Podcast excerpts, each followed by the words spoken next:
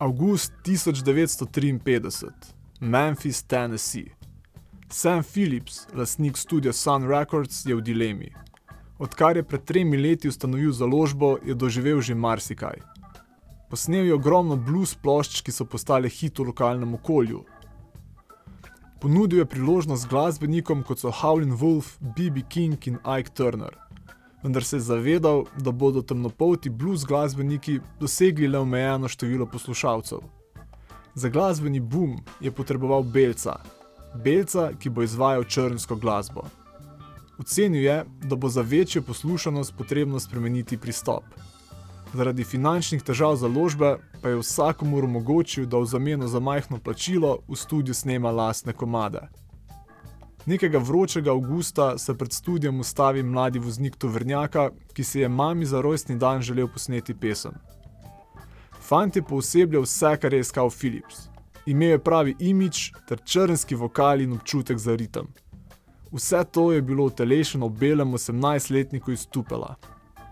Sama Philipsa tistega dne sicer ni bilo v studiu, je pa fantov talent prepoznala receptorka Marion Kajsker. Ko ga je vprašala, po kom se zgleduje, je odgovoril, da je edinstven in da ne zveni kot nihče drug.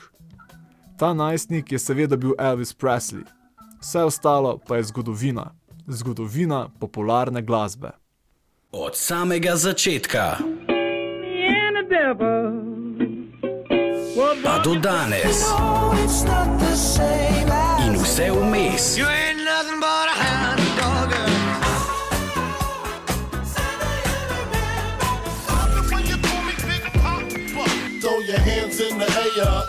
True player.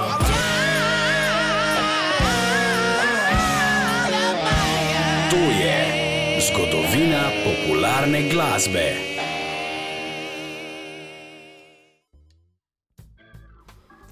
Tudi v drugi oddaji ostajamo na jugu ZDA, rojstnemu kraju popularne glasbe.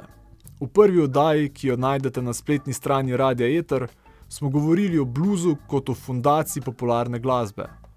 Danes pa se bomo osredotočili na njegov belski odvod, ki je zaradi družbene klime in razvoja tehnologije lahko postal prvi žanr, ki je glasbo postavil bok vsem drugim oblikam popularne kulture. Govorili bomo o rock'n'rollu, ki je v osnovi kombinacija RB-ja, boogie-woogija in gospla, ki so jo začeli igrati belci. Ti so zraven primešali še elemente country in rockabilja, ki sta bila takrat popularna žanra med belci na jugu ZDA. Rock'n'roll slovi po kratkih, dve do tri minutnih eksplozivnih komadih. Njegov glavni gradnik pa je poudarjen hiter ritem, ki izvira iz uptempo bluza. Iz slednjega izvira tudi struktura benda, ki ga sestavljajo bobni, kitare in bas, ter pogosto tudi klavir in saksofon. Uveljavil se je tudi štiri četrtinski ritem, ki zdaj prevladuje v popularni glasbi. Vidimo, da je rock'n'roll zelo tesno povezan ravno z ritmom. V osnovi je plesna glasba. In ravno ta divji tempo je najbolj moti konzervativce, ki so mu rasistično pripeljali oznako džungelska glasba. Rock'n'roll pa je tudi žanr, ki v spredje postavi kitaro in jo uveljavi kot vodilni inštrument. Sam nastanek žanra je seveda precej izmuzljiv, saj ne gre za revolucijo, ampak za postopno evolucijo. Tako obstaja dolg seznam pesmi, ki se potegujejo za naziv prvega rock'n'roll komada. Vsaka izmed njih vsebuje vsaj kakšnega izmed elementov, ki jih za nazaj prepoznamo kot esenco tega žanra. Omeniti velja vsaj Rosetto Tarp, Gorja Carterja in Jimmyja Prestona. Največ dobrih argumentov za prvi rock'n'roll komat pa ima Rocket 88, Jackia Branstona in njegovih Delta Cats. Pesem združi in uveljavi elemente kot so hiter ritem, kričeč vokal, mladostna lirična tematika in distorzirana kitara. Zgodba o njenem ikoničnem faz zvoku spada med legende popularne glasbe. Band naj bi do distorziranega zvoka prišel po naključju, potem ko jim je kitarski ojačevalec padel iz kombija in se je zaradi udarca poškodoval. Zaradi udarca je ojačevalec spremenil frekvenco in je tako začel proizvajati močno distorziran zvok. Člani skupine so hoteli poškodovanje ojačevalec zavreči, vendar se je legendarnemu producentu Samu Philipsu zvok zdel tako zanimiv, da je band posnel komat kar s pokvarjeno opremo. S tem se je začel trend, ko so glasbeniki v iskanju distorzije začeli namerno uničevati svoje ojačevalce.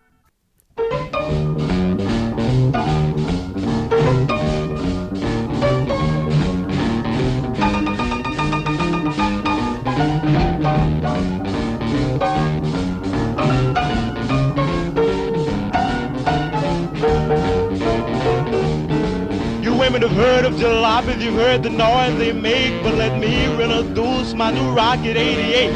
Yes, it's straight, just one way. Everybody likes my Rocket 88. Baby, we'll ride in style, moving all along.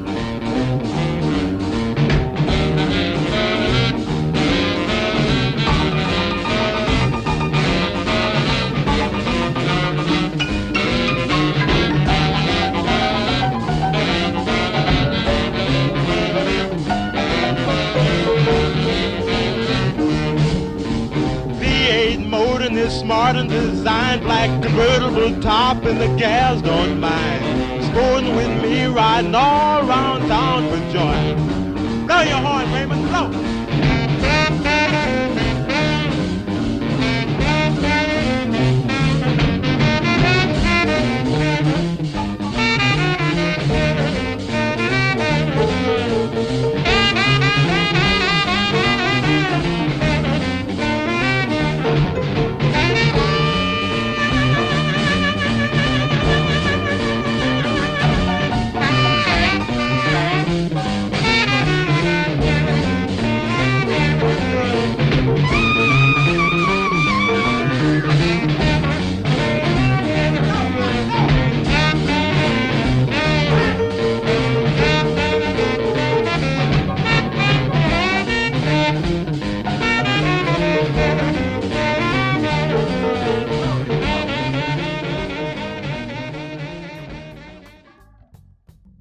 Da bi celostno razumeli nastanek in na to revolucionaren vpliv rock'n'rolla, moramo razumeti družbo tistega časa.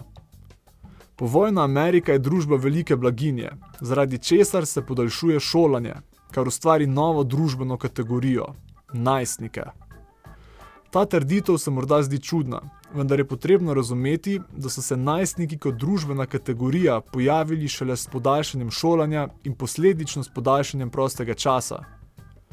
Predtem so mladi želeli predvsem čim prej odrasti in postati kot starši. Zaradi daljšega šolanja mladi postajajo bolj izobraženi. Višja stopnja izobrazbe pa hkrati privede do tega, da začnejo izražati nezadovoljstvo z ekstremno konzervativno povojno družbo. Pojavi se velika generacijska razlika, saj začnejo mladi relativno množično zavračati vrednote svojih staršev. Ne želijo si nujno poroke, otrok, materialnih dobrin in življenja v predmestjih, kjer vladata dolgočasje in konformizem. Zaradi večje socialne varnosti imajo mladi tudi veliko prostega časa, znotraj katerega iščejo nova doživetja. Nekateri začnejo poslušati blues, ki je popolnoma drugačen od glasbe njihovih staršev, saj je razburljiv in senzualen. Še večjo vlogo kot glasba pa igrajo filmi. Predvsem Marlon Brando v filmu Divjak in James Dean v Uporniku brez razloga s svojim imidžem postaneta vzor milijonom mladim američanom.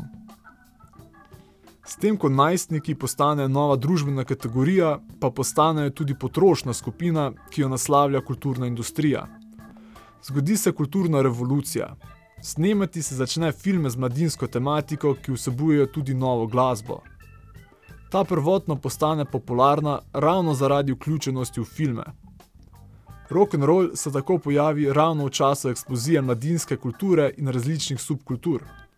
Skozi nov žanr takrat tabu tematike seksa in rase prodrajo v mainstream. Roll je poosebljal generacijski prepad. Bil je vlečni konj kulturne revolucije, ki je pretresla ZDA in tudi velik del sveta. Pop glasba pa je postala eden izmed največjih pospeševalcev kulturnih sprememb v 20. stoletju. Ta subkulturna nagnjenja so bila takrat popolnoma v nasprotju z ameriškim konzervatizmom, ki je bil v 50. letih na vrhuncu. V povojni Ameriki se je zaradi dviga življenjskega standarda močno povečala potrošnja. Zdelo se je, da so ZDA vstopile v raj. Prav zaradi tega je upornost rock'n'rolla predstavljala takšen šok, saj večinski družbi ni bilo jasno, zakaj bi se kdo upiral temu navideznemu raju. Prevladojoča družba je v novem žanru videla veliko kulturno nevarnost, saj se ta v veliki meri ni zmenil za uveljavljene družbene konvencije. Podirati so se začeli predvsem tabuji o spolnosti in rasi, kar je zelo motilo močno konzervativno ameriško družbo. Ta je v rock'n'rollu videla hudičevo glasbo, ki naj bi uničila ameriško mladino. Prvi komat, ki je na sceno prodoril pod oznako rock and roll in je vseboval vse ključne elemente tega žanra, je bila pesem Rock Around the Clock. Komat Bila Helja je tisti, ki razbije jez, skozi katerega rock and roll steče na vrhove glasbenih lestvic. Mnogi sicer zmotno mislijo, da je bil Elvis tisti, ki je oblikoval žanr, vendar še zdaleč ni bil prvi belec, ki je začel kombinirati različne elemente, ki sestavljajo rock and roll. Nekateri glasbeniki, med njimi tudi Haley, v žanru vidijo tržno nišo in začnejo igrati svojo interpretacijo bluza. S tem beli glasbeniki žanr predstavijo širšemu občinstvu, vendar pa se skozi ta proces blues degradira. Postane manj surov, manj je težkih besedil in zvokov, s tem pa glasba izgubi veliko svoje subverzivnosti. Kot že omenjeno, popularna glasba svoj veliki trenutek doživi skozi film.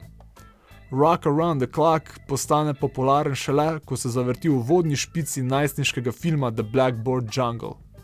Sedaj pa si zavrtimo komat, ki je najstnike tako prevzel, da so v kinodvoranah pulili stole in kričali od navdušenja. One, two, three o'clock, four o'clock, rock. Five, six, seven o'clock, eight o'clock, rock. Nine, ten, eleven o'clock, twelve o'clock, rock. We're gonna rock around the clock tonight. Put your glad rags on. Join me home.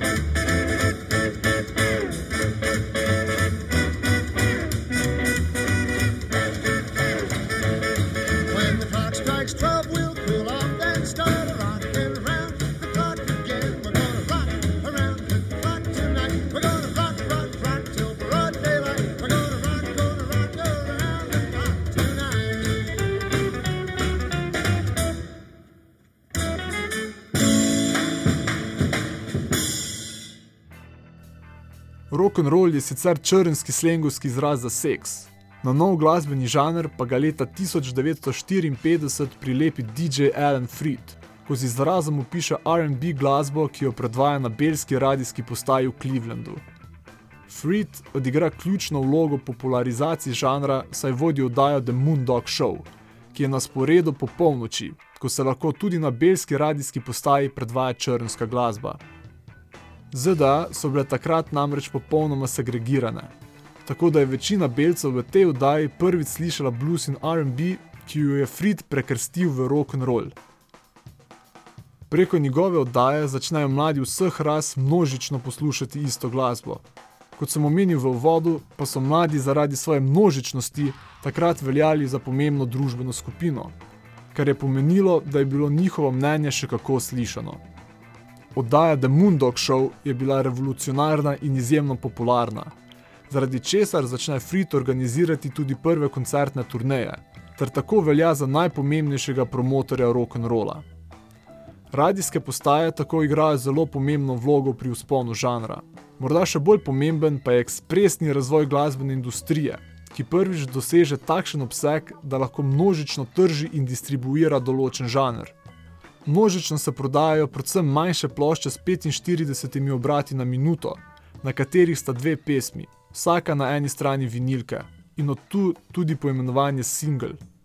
Ravno singel je bil glavno orožje novega žanra, saj so bili manjši, prenosljivi gramofoni in male plošče dovolj poceni, da so jih najstniki lahko množično kupovali. Zaradi vsega naštetega se začnejo rojevati tudi številne mladinske subkulture, ki močno zaznamujejo vrednote, modo in življenjski slog. Rock'n'roll je bil revolucionaren predvsem za mlade belce. Ti so slišali glasbo, ki je bila v temnopoltih skupnostih prisotna že stoletje.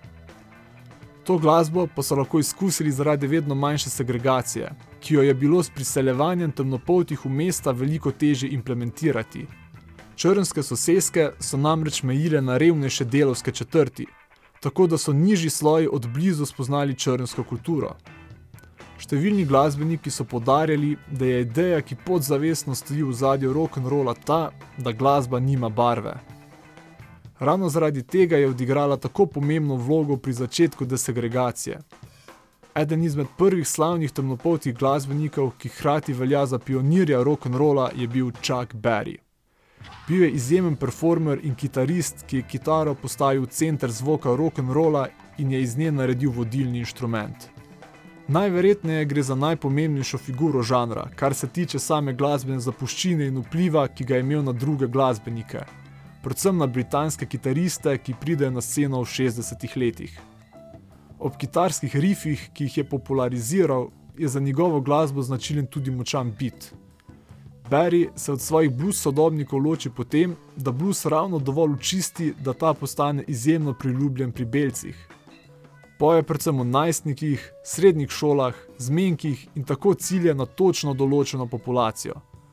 Na tem mestu bi lahko zavrteli vsaj deset različnih komadov, vendar noben ne zadane tako kot Johnny B. Good.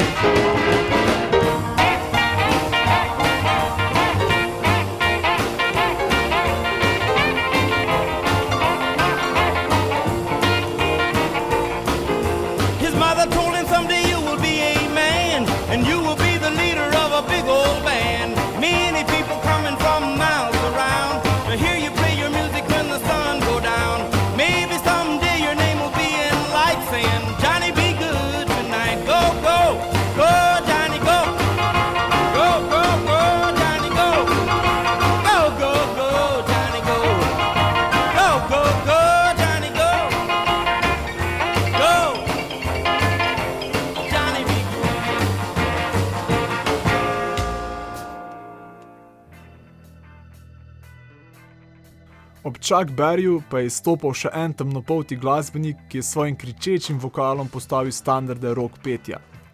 Little Richard je bil neverjeten nastopač, ki je slovel predvsem po svojih vragolijah za klavirjem. Bil je transgresiven, zelo seksualen, vendar ne mačističen, temveč zelo nebinaren. Gre za največjega performerja svoje generacije. Bil je eksploziven, dinamičen in resnično unikaten. Za razliko od Berija in Fetsa Domina se ni toliko prilagajal belemu občinstvu. Zaradi tega je scene izginil že leta 1957, ko je rock'n'roll zamenjal za duhovniško upravo. V cerkvi pa je kot otrok pobral tudi vokalni slog, ki ga je močno inspiriralo ravno cerkveno gospel petje. Problemi, s katerimi se je srečeval Richard, so bili stalni spremljevalci temnopoltih izvajalcev tistega časa. Odrinjeni so bili na rob glasbene industrije, več plošč od njih pa so s priredbami njihovih komadov prodali beli glasbeniki. Temnopolti izvajalci so bili tako v veliki meri izključeni iz novo nastajajoče najstniške kulture. Velik faktor pri popularizaciji rock'n'rolla igra tudi televizija, ki se v 50-ih letih naglo razvija. Veliko vlogo igrajo predvsem oddaje kot so The Ed Sullivan Show in American Bandstand, ki so nastope glasbenikov prenašale na državni ravni ob najboljših terminih. Te oddaje so bile ključne, da je glasba postala tako pomembna kot ostale oblike popularne kulture. Prav zaradi televizije pa je eksplodiral tudi Elvis. S komadom, ki si ga bomo zavrteli, sta sicer imela več uspeha tako Elvis kot Pat Boone. Vendar pa je samo en originalen, samo en je Little Richard. Wah bam ba boom, bam bam bam, to the boot, oh, root.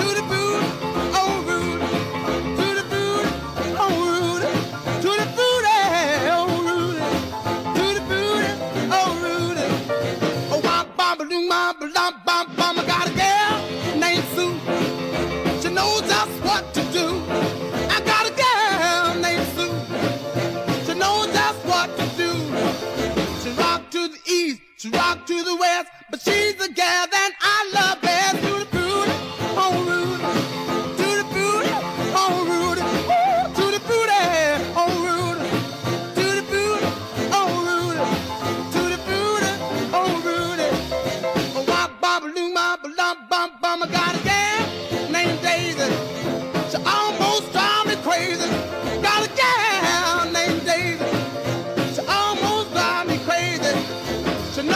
love me, yes indeed.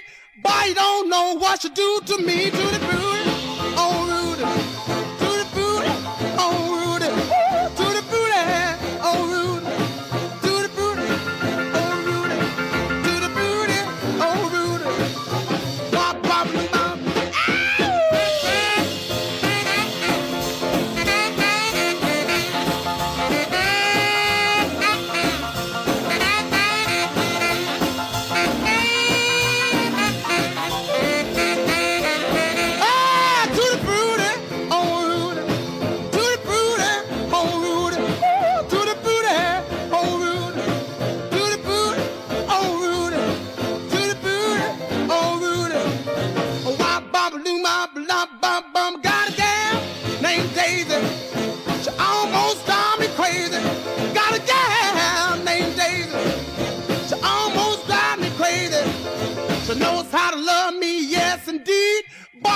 know what she do to me, to the booty, oh Rudy, to the booty, oh Rudy, Ooh, to the booty, oh Rudy, to the booty, oh Rudy, to the booty, oh Rudy, oh wop, bop, loom, bop, lop, bam, boom.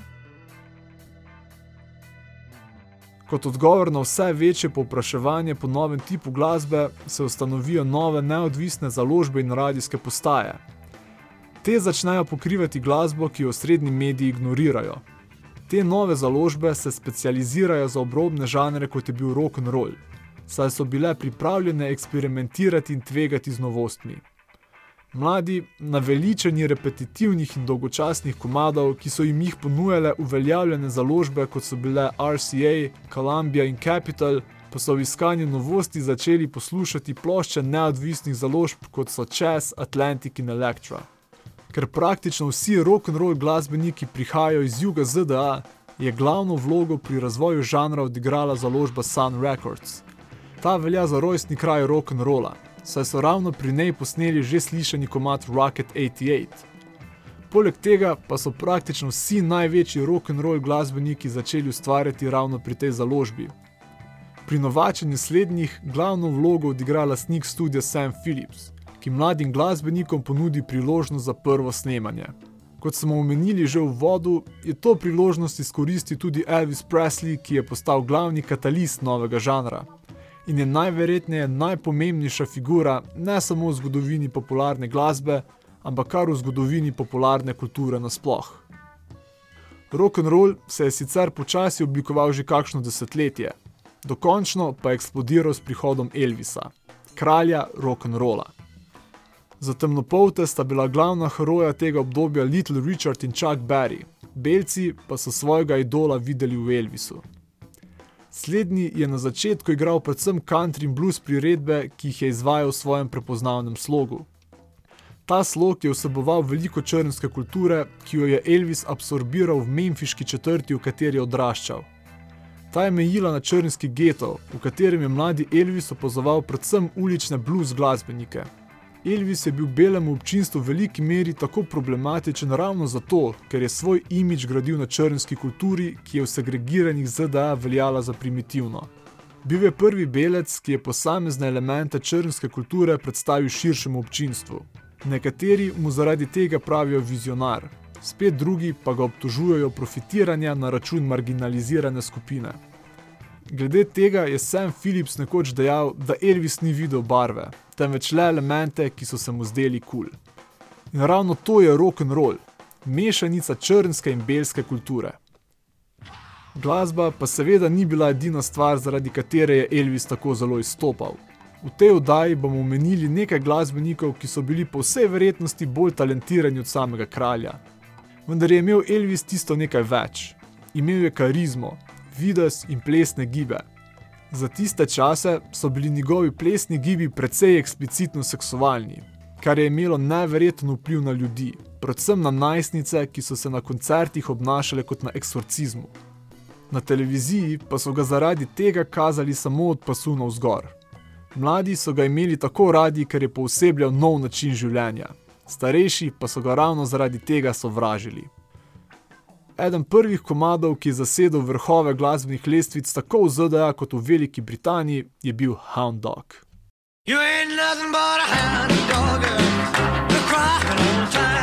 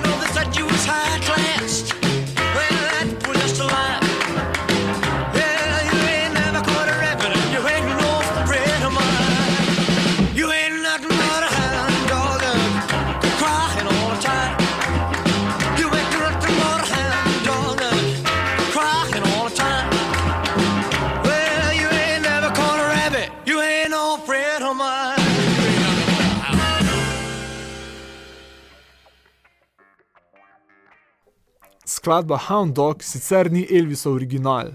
Prva jo je odpela Big Mama Thornton, z njo v mislih pa je pesem napisal skladateljski dvojec Liber in Stroller. Ta velja za enega najpomembnejših v 50. in 60. letih. Elvis pesmi ni pisal sam, kar pa je bila takrat uveljavljena praksa. V 50. letih je svojo spremljevalno skupino, sestavljeno iz Scottja Mura, Billa Blacka in DJ-ja Fontane, poskrbel za takšno razburjenje, da se ga je oblast ustrašila in ga na vrhuncu kariere poslala na služenje vojaškega roka v takratno zahodno Nemčijo. Po vrnitvi iz vojske je postal hollywoodski igralec, ki je hitro izgubil kakršnokoli uporno vrednost. Postal je del establishmenta in na nek način precedenčna žrtev slave in kulturne industrije. Elvis je sicer prvi belec, ki pogodbeno snema v Sun Studiu, vendar ga že zelo kmalo iz te pogodbe odkupi njegov menedžer, polkovnik Parker. Ta ga proda založbi RCA, ki velja za enega izmed gigantov takratne glasbene industrije. Šele zaradi te poteze Elvisova karijera resnično eksplodira, saj ima RCA večje sposobnosti za distribucijo in promocijo. Z denarjem, ki ga Philips dobi od prodaje Elvisove pogodbe, pa se dokončno razcveti tudi založba Sun, ter s tem rock and roll kot žanr, saj Philips denar vloži v nove talente. Za Elvisom pridejo Carl Perkins, Johnny Cash in Jerry Lee Lewis. Imena, ki založbo Sun Records spremenijo v mitski kraj. Iz omenjenih nastane tako imenovani kvartet za milijon dolarjev, ko vsi štirje 4. decembra 1956 v Sun Studiu posnamejo jam session, ki se razvije iz snemanja Carla Perkinsa. Tega na klavirju spremlja takrat še neznani Jerry Lee Lewis. Po naključju tisti dan studio obiščeta tudi Cash in Presley. Iz tega obiska pa se razvije snemanje, ki ga Sam Phillips izkoristi za odličen PR. Carl Perkins, ki tisti dan snema v studiu, sicer velja za kralja rockabilja, žanra, ki ga je težko ločiti od samega rock'n'rolla. Načeloma pa gre za to, da so rockabili glasbeniki precej bolj navdaheni strani countryja kot bluza. Perkins tako igra mešanico upbeat countryja in akordov inspiriranih pri bluzu. Za ta žanr je značilen tudi kovcajoč vokal, ki ga zelo dobro slišimo v Perkinsovem največjem hitu Blue Suede Shoes. Well, it's one for the money, two for the show, three to get ready. Now go, cat, go, but don't you step on my blue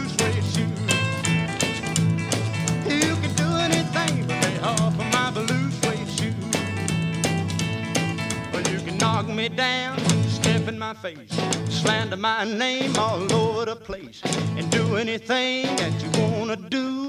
But uh-uh, honey, lay off of my shoes don't you step on my blue suede shoe.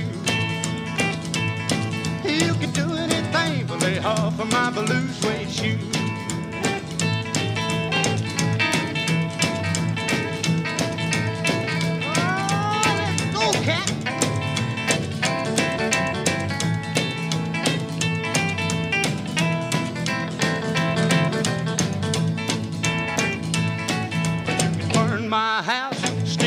Car. You drink my liquor from my old fruit jar. You do anything that you wanna do. But uh-uh, honey, lay off of them shoes and don't you step on my blue suede. You can do anything but lay off of my blue suede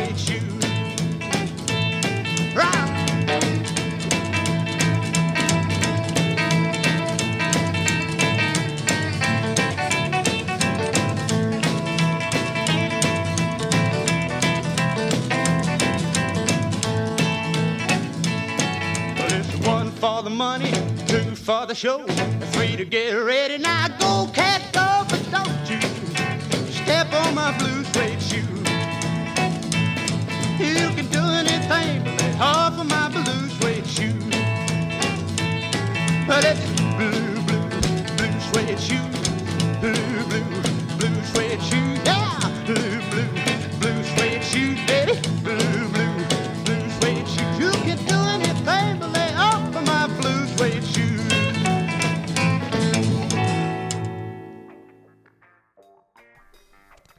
Še ena posebnost rock'n'roll scene je, da so se praktično vsi glavni akteri precej dobro poznali, saj so snemali za iste založbe.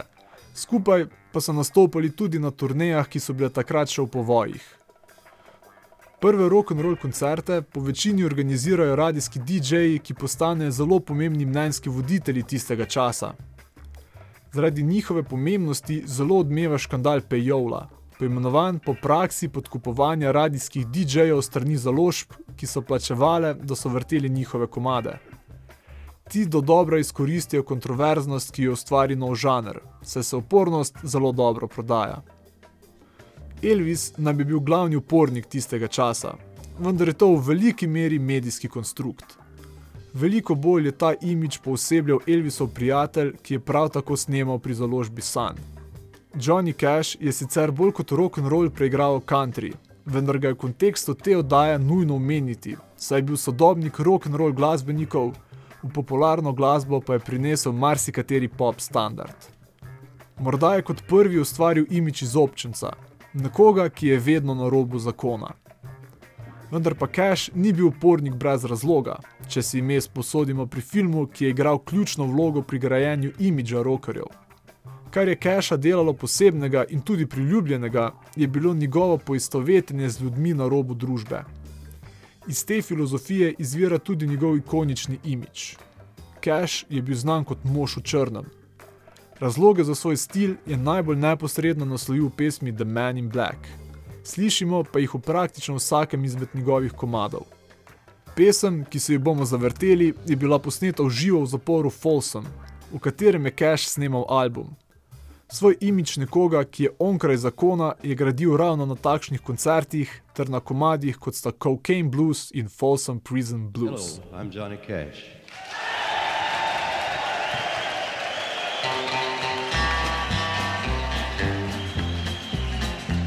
I hear the train a coming, it's rolling around a bend, and I ain't seen the sunshine since I don't know when. I'm stuck in Folsom Prison, and time keeps dragging on.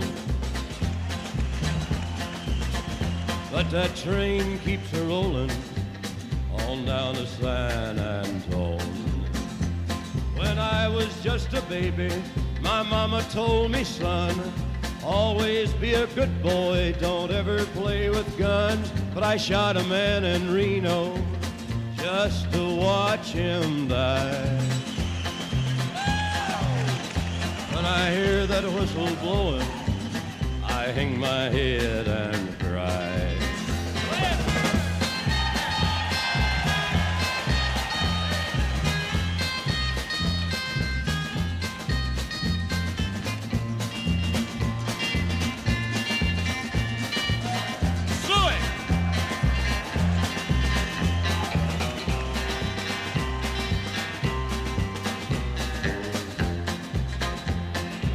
There's rich folks eating from a fancy dining car. They're probably drinking coffee and smoking big cigars. Well, I know I had it coming. I know I can't be free. But those people keep a moving, and that's what tortures me.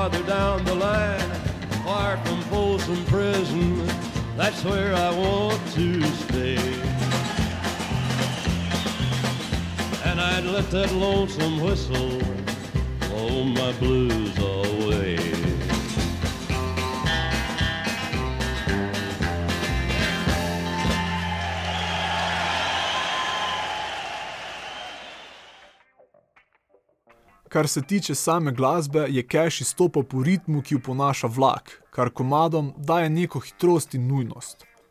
Cash pa je odstopal tudi od liričnih konvencij tistega časa. Večina avtorjev je namreč pisala ljubezenske komade, sam pa je bil eden prvih resnih glasbenikov, katerega glasba ni govorila samo o zabavi, ljubezni in dobrih časih, ampak je imela kritično noto. Rock'n'roll je svoj uporniški status dobil predvsem zaradi dveh elementov, ki sta veljala za tabu. Prvi je bil segregacija, ki se na koncertih pogosto ni upoštevala, saj so temnopolti in belci začeli plesati en z drugim. Skozi rock'n'roll belci prevzamejo črnski realizem, tako da tudi tematike pesmi hitro začnejo podirati konzervativne barijere. Mladi belci pa se začnejo emocionalno in telesno osvobajati. To je neverjetno pomemben del tega žanra, saj so se mladi odmaknili od zastarelih vrednot svojih staršev. Začeli so sprejemati emocije in telesnost. S tem gre vsaj delno pojasnjevati nikoli prej videne najstniške izbruhe, vso histerijo, krike in občutenja, ki so jih na koncertih začele kazati najstnice. Te so popolnoma norele že na koncertih glasbenikov kot so The Everly Brothers, Richie Valens, Eddie Cochrane in Roy Orbison. Za njimi pa je prišel nori hillbilly rocker, ki povzroči največji škandal v zgodovini žanra. Jerry Lee Lewis in njegova odrska energija sta stvar legend. Vendar se v zvezi z njim največkrat omenja njegovo poroko s takrat 14-letno polsestrično, zaradi česar ga nehajo predvajati vse radijske postaje. Tako leta 1958 izgine scene in v veliki meri pokoplje celoten žanr. Vsa ta Lewisova energija in norost je lepo povzeta v njegovem vzdevku The Killer ter v komadu Great Balls of Fire. You shake my nerves and you rattle my brain. Too much of love drives a man insane. You broke my will, but what a thrill. Goodness gracious, great balls of fire. I let you love what I thought it was funny. You came along and woo, now honey, I've changed my Goodness gracious, great balls of fire. Kisses, baby. Mmm, feels good. Hold me, baby. Well, I want to love you like I love a should. You're fine, so kind. Got to tell this world that you're mine, mine, mine, mine. I chew my nails and I twiddle my thumb. I'm real nervous, but it sure is fun. Come on, baby. It drives me crazy. And this groove, it's just great balls of fire.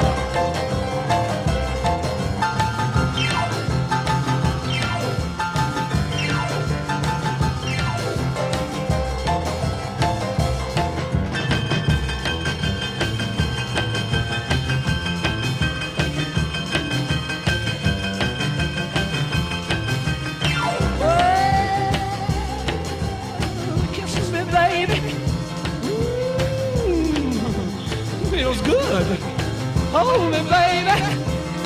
Well, to love you like I love it should.